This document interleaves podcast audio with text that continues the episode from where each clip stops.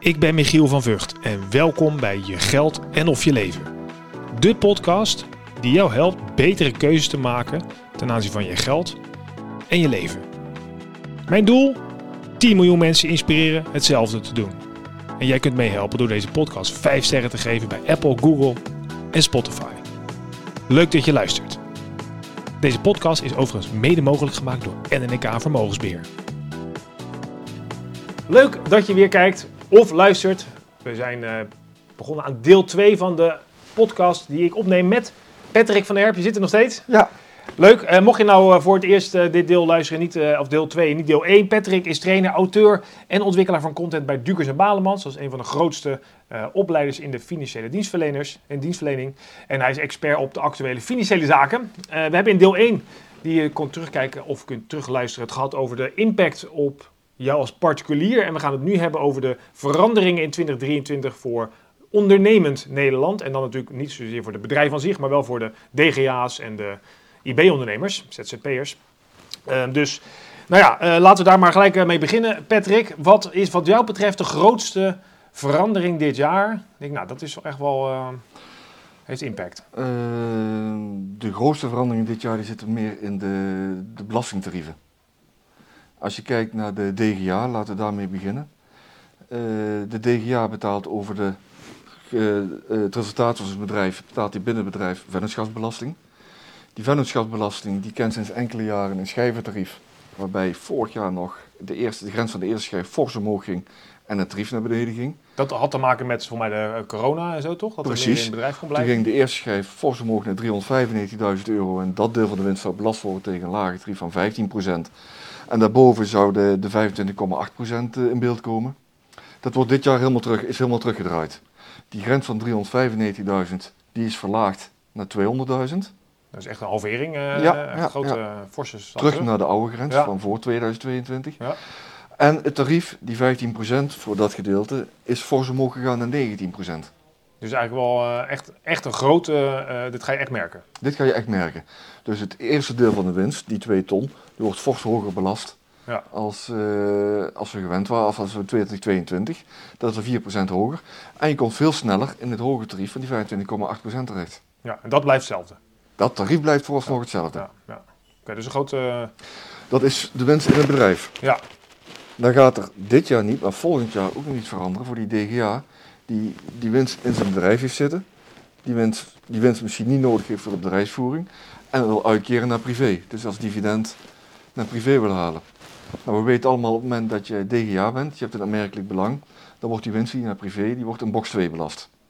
Box 2 kent nu een, een, een, een, eh, een belasting van 26,9%.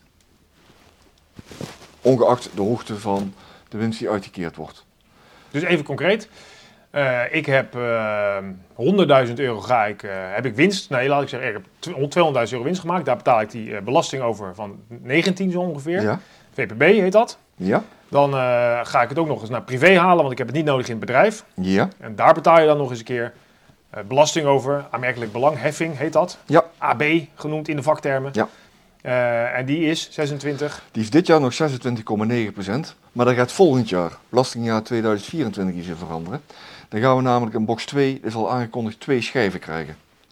Eh, en de schijfgrens die wordt gesteld op 67.000 euro. Laat je dividend uitkeren wat onder die grens van 67.000 euro blijft, dan gaat je heffing naar beneden. Dan gaat die naar 24,5%. Maar voor het gedeelte wat er bovenuit komt, gaat die fors omhoog, dan gaat die naar 31%. Oh, dat is wel echt een stap, ja.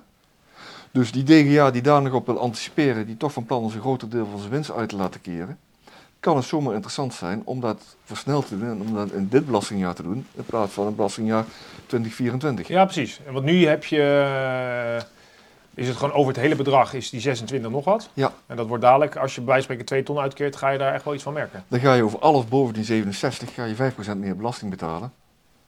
Het is echt een serieuze belastingverhoging eigenlijk. Ja. In twee, op, twee opzichten dus. Ja. VPB die lagere grens met een hogere belasting. Ja. Hoe is hierop gereageerd door ondernemend Nederland eigenlijk? Weet je dat? Ja, je- het wordt een beetje als een nivellering beschouwd. Van of je nu eh, je, heel plat gezegd, je nek uitsteekt als ondernemer, eh, de ondernemersgeest, of eh, als loondienst eh, je werkzaamheden verricht. Het risico wat je als ondernemer loopt, wordt steeds minder beloond. Ja. Zo wordt het eigenlijk ervaren. Ja, want ook de... maar dat is heel subjectief natuurlijk. Hè? Me dat Ja, dat is het ook wel. Maar dat is ook een beetje die zelfstandige aftrek. Hè? Dus Ja. op het moment dat jij ZZP'er bent bijvoorbeeld in, dan kun je zeggen, nou, als ik ben zelfstandig, dan mag je een deel aftrekken waardoor je belastbaar inkomen lager wordt. Dat wordt ook nou ja, steeds meer verlaagd. Wordt het zelfs afgeschaft, weet ik eigenlijk niet. Maar Nou, ze, daar zat al een verlaging in. Alleen daar, daar, daar gaan ze in accelereren. Daar wordt gas op gegeven. Die verlaging die wordt versneld. En eh, op termijn zal die zelfstandige aftrek op enig moment gaan verdwijnen. De startersaftrek en de, de winstvrijstelling, die, de MKB-winstvrijstelling, die blijft wel. die 14% is dat? Ja, precies. Ja. Maar de zelfstandige aftrek, eh, daar moeten we het niet meer van hebben. Nee, en dat is met de gedachte om ZZP'ers wat meer gelijk te stellen met mensen die gewoon in loondienst zijn, toch? Ja, ja. Ja.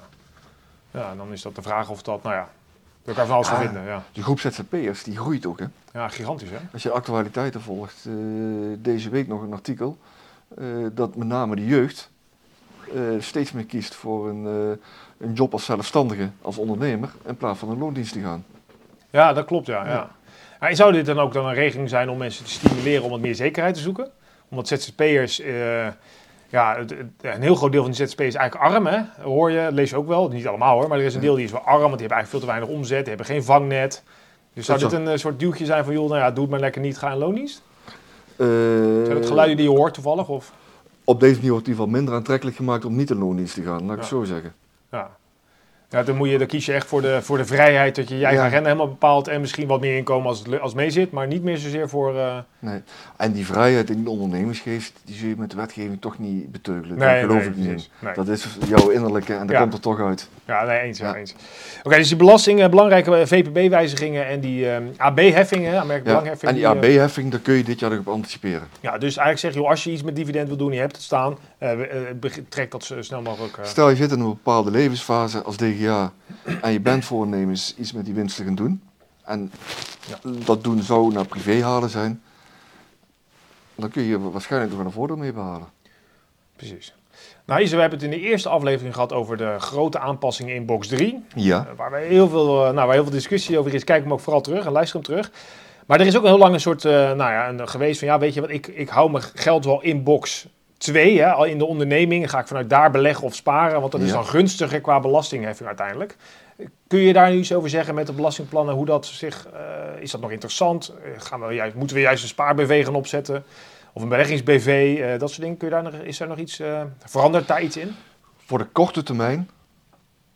En dat moet ik er echt bij zeggen, want beleggen is iets wat je doet voor de lange termijn. Dat is ook de visie van NNEK en die deel ik volledig. Op het moment dat je gaat beleggen, kijk naar je horizon en maak je plan voor de lange termijn. Waar we hier naar moeten kijken is eigenlijk naar de korte termijn, omdat in 2026 het weer helemaal anders kan worden.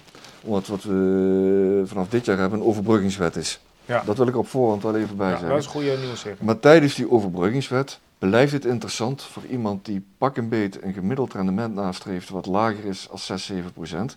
Blijft het interessant om in de BV te beleggen. Ook als je je rendement vanuit die BV ieder jaar naar privé haalt. Ja. Dan zit je wel met die, eh, dat je het niet herbelegt, dat je meteen die belasting betaalt, dan wordt het iets lager. Maar dan kom je zo rond de 5% uit, grof afrondend. En dat betekent, eh, je vertelde mij eerder dat voor een offensieve portefeuille en een EK een gemiddeld rendement hanteert eh 6, 6,5%, zeg ik dat goed? Ja, zoiets, ja. ja, Ja. ja 6,4, ja. Dat betekent dus dat voor een hele groep beleggers, neutraal of defensief, je gemiddeld rendement onder die voet valt en het beleggen in de BV nog steeds interessant blijft. Ja, precies. Dus dat, dat is nog steeds wel... Ja, wel ja. eh, dat gaat niet, daar zal geen grote verandering in komen. In, eh, Op dit moment niet, maar ik zeg er wel bij, het is voor de korte termijn. Ja, zeker. Ja. Het grote verschil is dat in de BV het daadwerkelijk rendement al belast wordt met de VPB. En we in privé nog steeds de forfaitaire rendementen kennen. Ja, ja, dat is waar. over het vermogen. Ja. Op het moment dat ook in privé, en dat is wel waar de overheid zegt naartoe te willen gaan, stel dat het lukt om dat vanaf 2026 ook in privé het daadwerkelijk rendement te gaan belasten, dan kan heel dat plaatje heel anders uit komen te zien. Ja, dan wordt het echt persoonlijke financiële planning wat het beste is voor Ja, jou. eh, ja.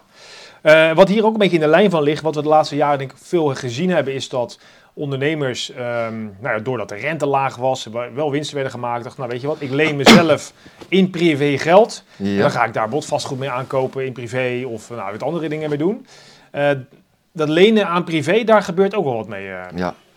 Het grote voordeel voor die DGA is op het moment dat hij leent van zijn BV, dat hij wel een stuk winstreserve uit die BV haalt. alleen het schuldig blijft aan zijn BV en daardoor die dividendbelasting, die 26,9% in box 2, nog niet hoeft te betalen. Dat schuift hij naar voren en wel over de middelen kan beschikken. Ja. De rente die hij moet betalen, betaalt hij aan zijn eigen BV.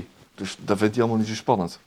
Het is een constructie die in eh, Nederland dermate veel toegepast is dat overheid en belastingdienst, die dan namens de overheid werkt natuurlijk, zich zorgen beginnen te maken of op enig moment dat dividend of die dividendbelasting nog wel geïnd kan worden. Ja, ja, precies. Wat is in de toekomst de positie van die BV en in hoeverre is men nog in staat die belasting te betalen?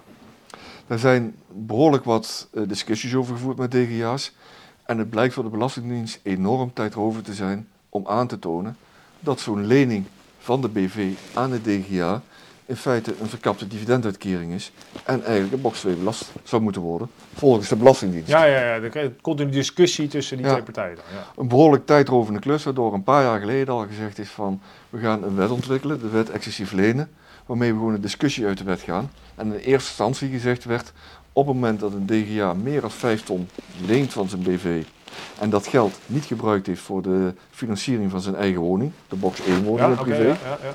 is dat meerdere een fictieve dividenduitkering en moet belast worden. Die wet die is een paar keer op en neer gegaan tussen Eerste en Tweede Kamer. Die is nog nooit daadwerkelijk aangenomen, maar daar is onlangs verandering in gekomen. Nu gaat die wel van kracht en wordt er bepaald welk bedrag de DGA op 31 december van dit jaar, dus 31 december 2023, van zijn BV geleend heeft. Is dat bedrag meer als, en dat is ondertussen 7 ton geworden, dus die 5 ton die is overboord, die is verhoogd naar 7 ton.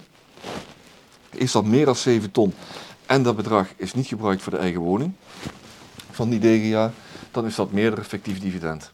Oké, maak hem even concreet. Ik heb een miljoen geleend van mijn BV. Dat is meer dan 7 ton. Ja? Toch? Ja, Ja, klopt. die, die klopt, hè? Ja, Zo ver komen we, ja. Maar dan heb ik 3 ton van gebruikt voor een hypotheek voor mijn eigen woning. Dus dan heb ik, uiteindelijk voldoe ik dan nog aan het feit dat ik 7 ton. Niks aan de hand. Niks aan de hand. Niks aan de hand. Nou heb ik zelf een miljoen geleend, maar ik heb die 3 ton niet gebruikt voor mijn eigen woning, maar voor een vakantiewoning. Ja. Oké, wat dan? Wat ga ik daar dan concreet van merken? Dan ga je er concreet van merken dat die 300.000 euro aan het einde van het jaar beschouwd gaat worden als fictief dividend en dat je daar in privé 26,9% belasting over moet betalen. Eenmalig, denk ik. Eenmalig. En dat wordt uiteraard bijgehouden.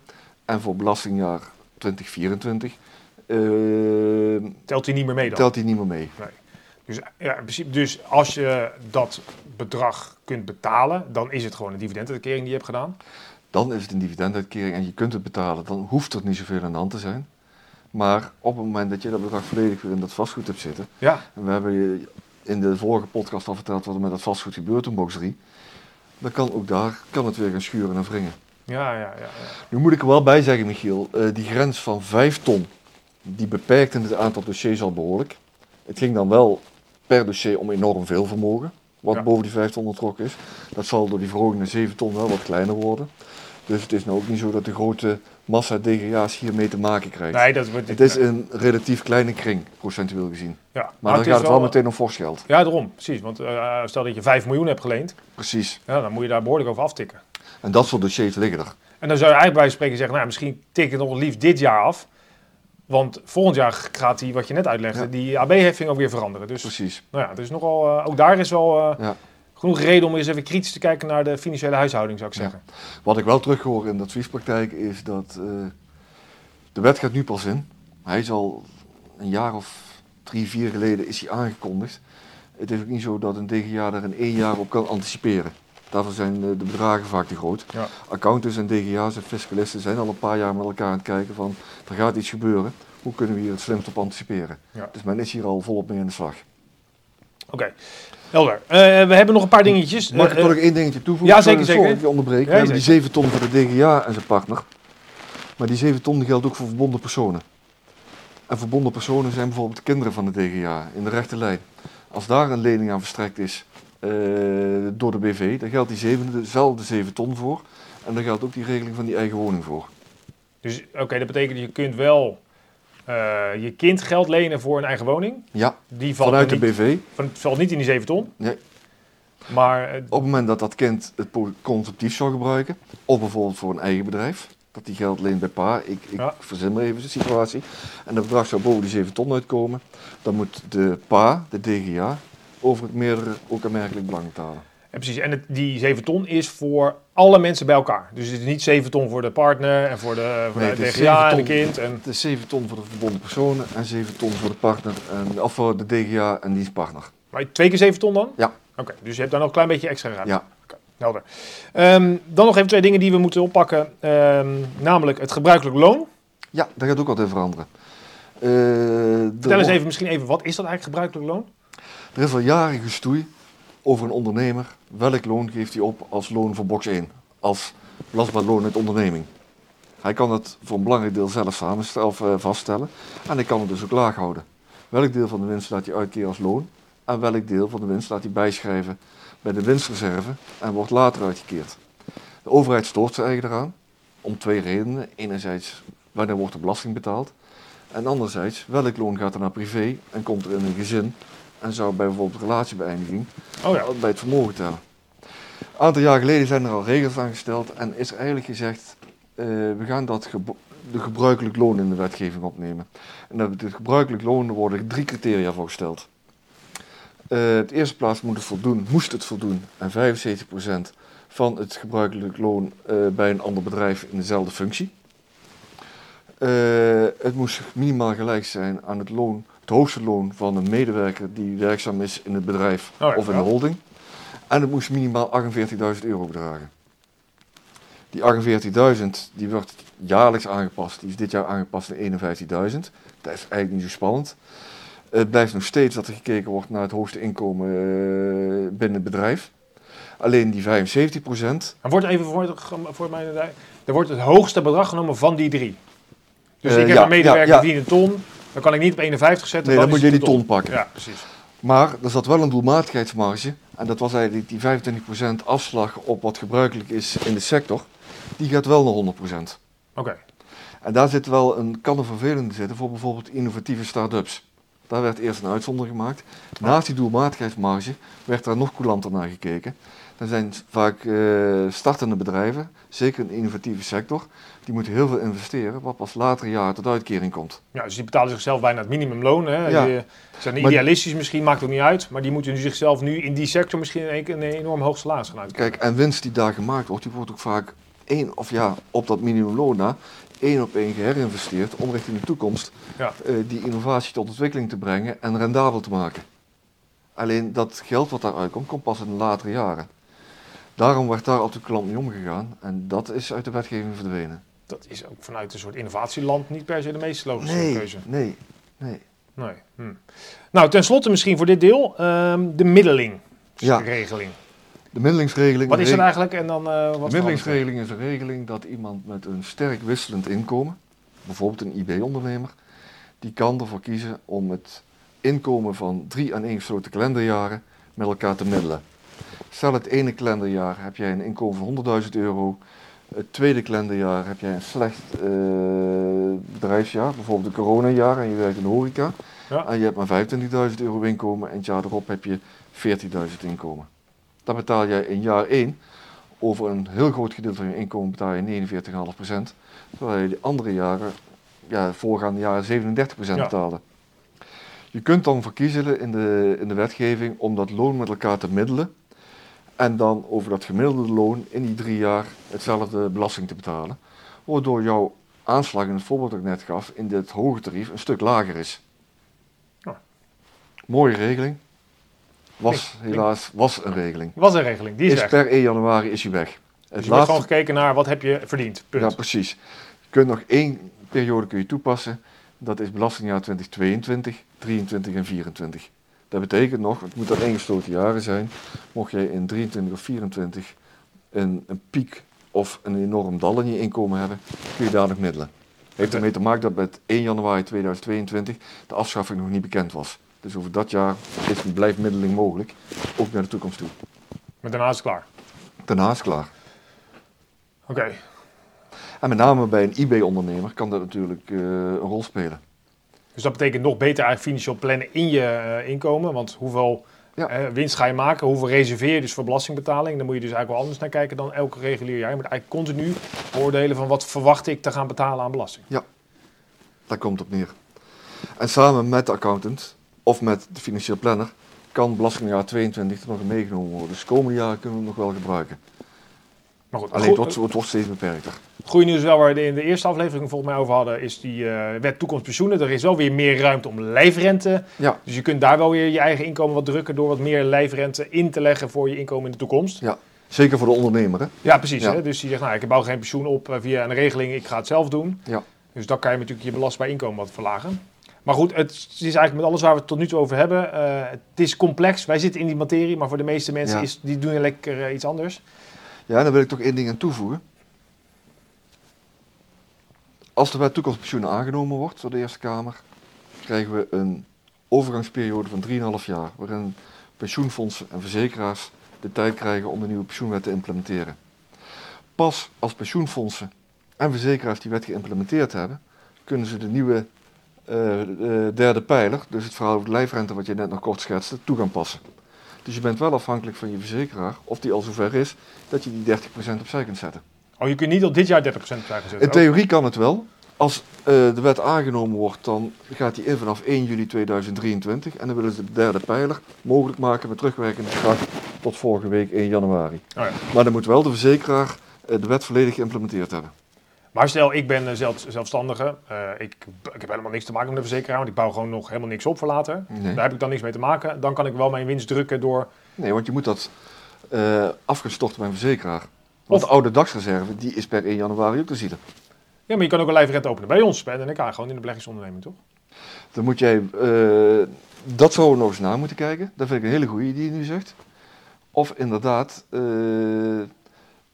hoe ver jullie dan klaar moeten zijn voor de implementatie van de wet toekomstpensioenen. Want het is een onderdeel van de wet toekomstpensioen. Ja. Er is restrictie aangezegd, degene die hem uitvoert moet ook volledig klaar voor zijn. Dan mag ook die derde pijler op die manier aangepast worden. Ja, dus wij doen nu al heel veel lijfrente bijvoorbeeld. Ja. Maar mensen kunnen pas meer gaan storten als wij... Nou, in principe hoe- doen wij alleen maar de opbouw, dus het is Ja. niet, zo, niet zo spannend. Maar, ja, nou goed. Nou, genoeg, eh, genoeg eh, maar, eh, informatie en veel veranderingen. En dat, ja, wat ik eigenlijk net zo ook al zei, dat leert ons wel dus dat, dat het wel echt verstandig is om gewoon advies te zoeken. Ja, is zonder zo meer. complex, zonder meer. Ja. Eh, we hadden het net ook over, maar voor eh, jullie hebben vanuit Dukers en Balamas een hele eh, echt lezenswaardige ehm, Ja. reader gemaakt, zou ik maar zeggen. Hoe heet zo'n ding? Ehm, Wij, hebben, wij maken ieder jaar maken wij, de dag van Prinsjesdag en de dag erop een Prinsjesdag special. Die is ook online beschikbaar via onze website. ja. Daar is alles wat we nu verteld hebben nog rustig na te lezen, ook met rekenvoorbeelden. Die houden we ook actueel. Dus wat dat betreft een heel mooi document, heel mooi naslagwerk. Om nog eens rustig na te lezen, wat is er nou voor mij veranderd, zowel in de particuliere sfeer als in de sfeer van of IB-ondernemer of directeur grote aandeelhouder. En wat is daar relevant in? Nou, die ehm, link daar staat hier onder de video. Of als je luistert, staat die in de show notes. Dan kun je hem rustig teruglezen. Eh, doe dat ook vooral. En als je daar natuurlijk vragen over hebt, zoek gewoon contact met je financieel adviseur, financieel planner, pensioenadviseur. Ken je die nou niet? Eh, meld je even bij mij. Ik ken er zo'n duizend in Nederland. Kan je vast in contact brengen met een goede. Ehm, Patrick, ik wil jij tenslotte onwijs bedanken ook voor deze aflevering weer. Was Dankjewel, heel graag en, eh, gedaan. en gezellig vond ik het. Ja, ik ook. Ehm, jullie natuurlijk weer bedankt voor het kijken, dan wel luisteren. En zoals je altijd van mij hoort, deel dit als je het interessant vond. Ehm, like, subscribe, geef 5 sterren. Want mijn doel blijft om 10 miljoen mensen te inspireren betere keuzes te maken als het gaat om geld en het leven. En hoe meer we daarin kunnen delen, hoe beter het is. Dankjewel voor het luisteren. Fijne dag. Tot ziens.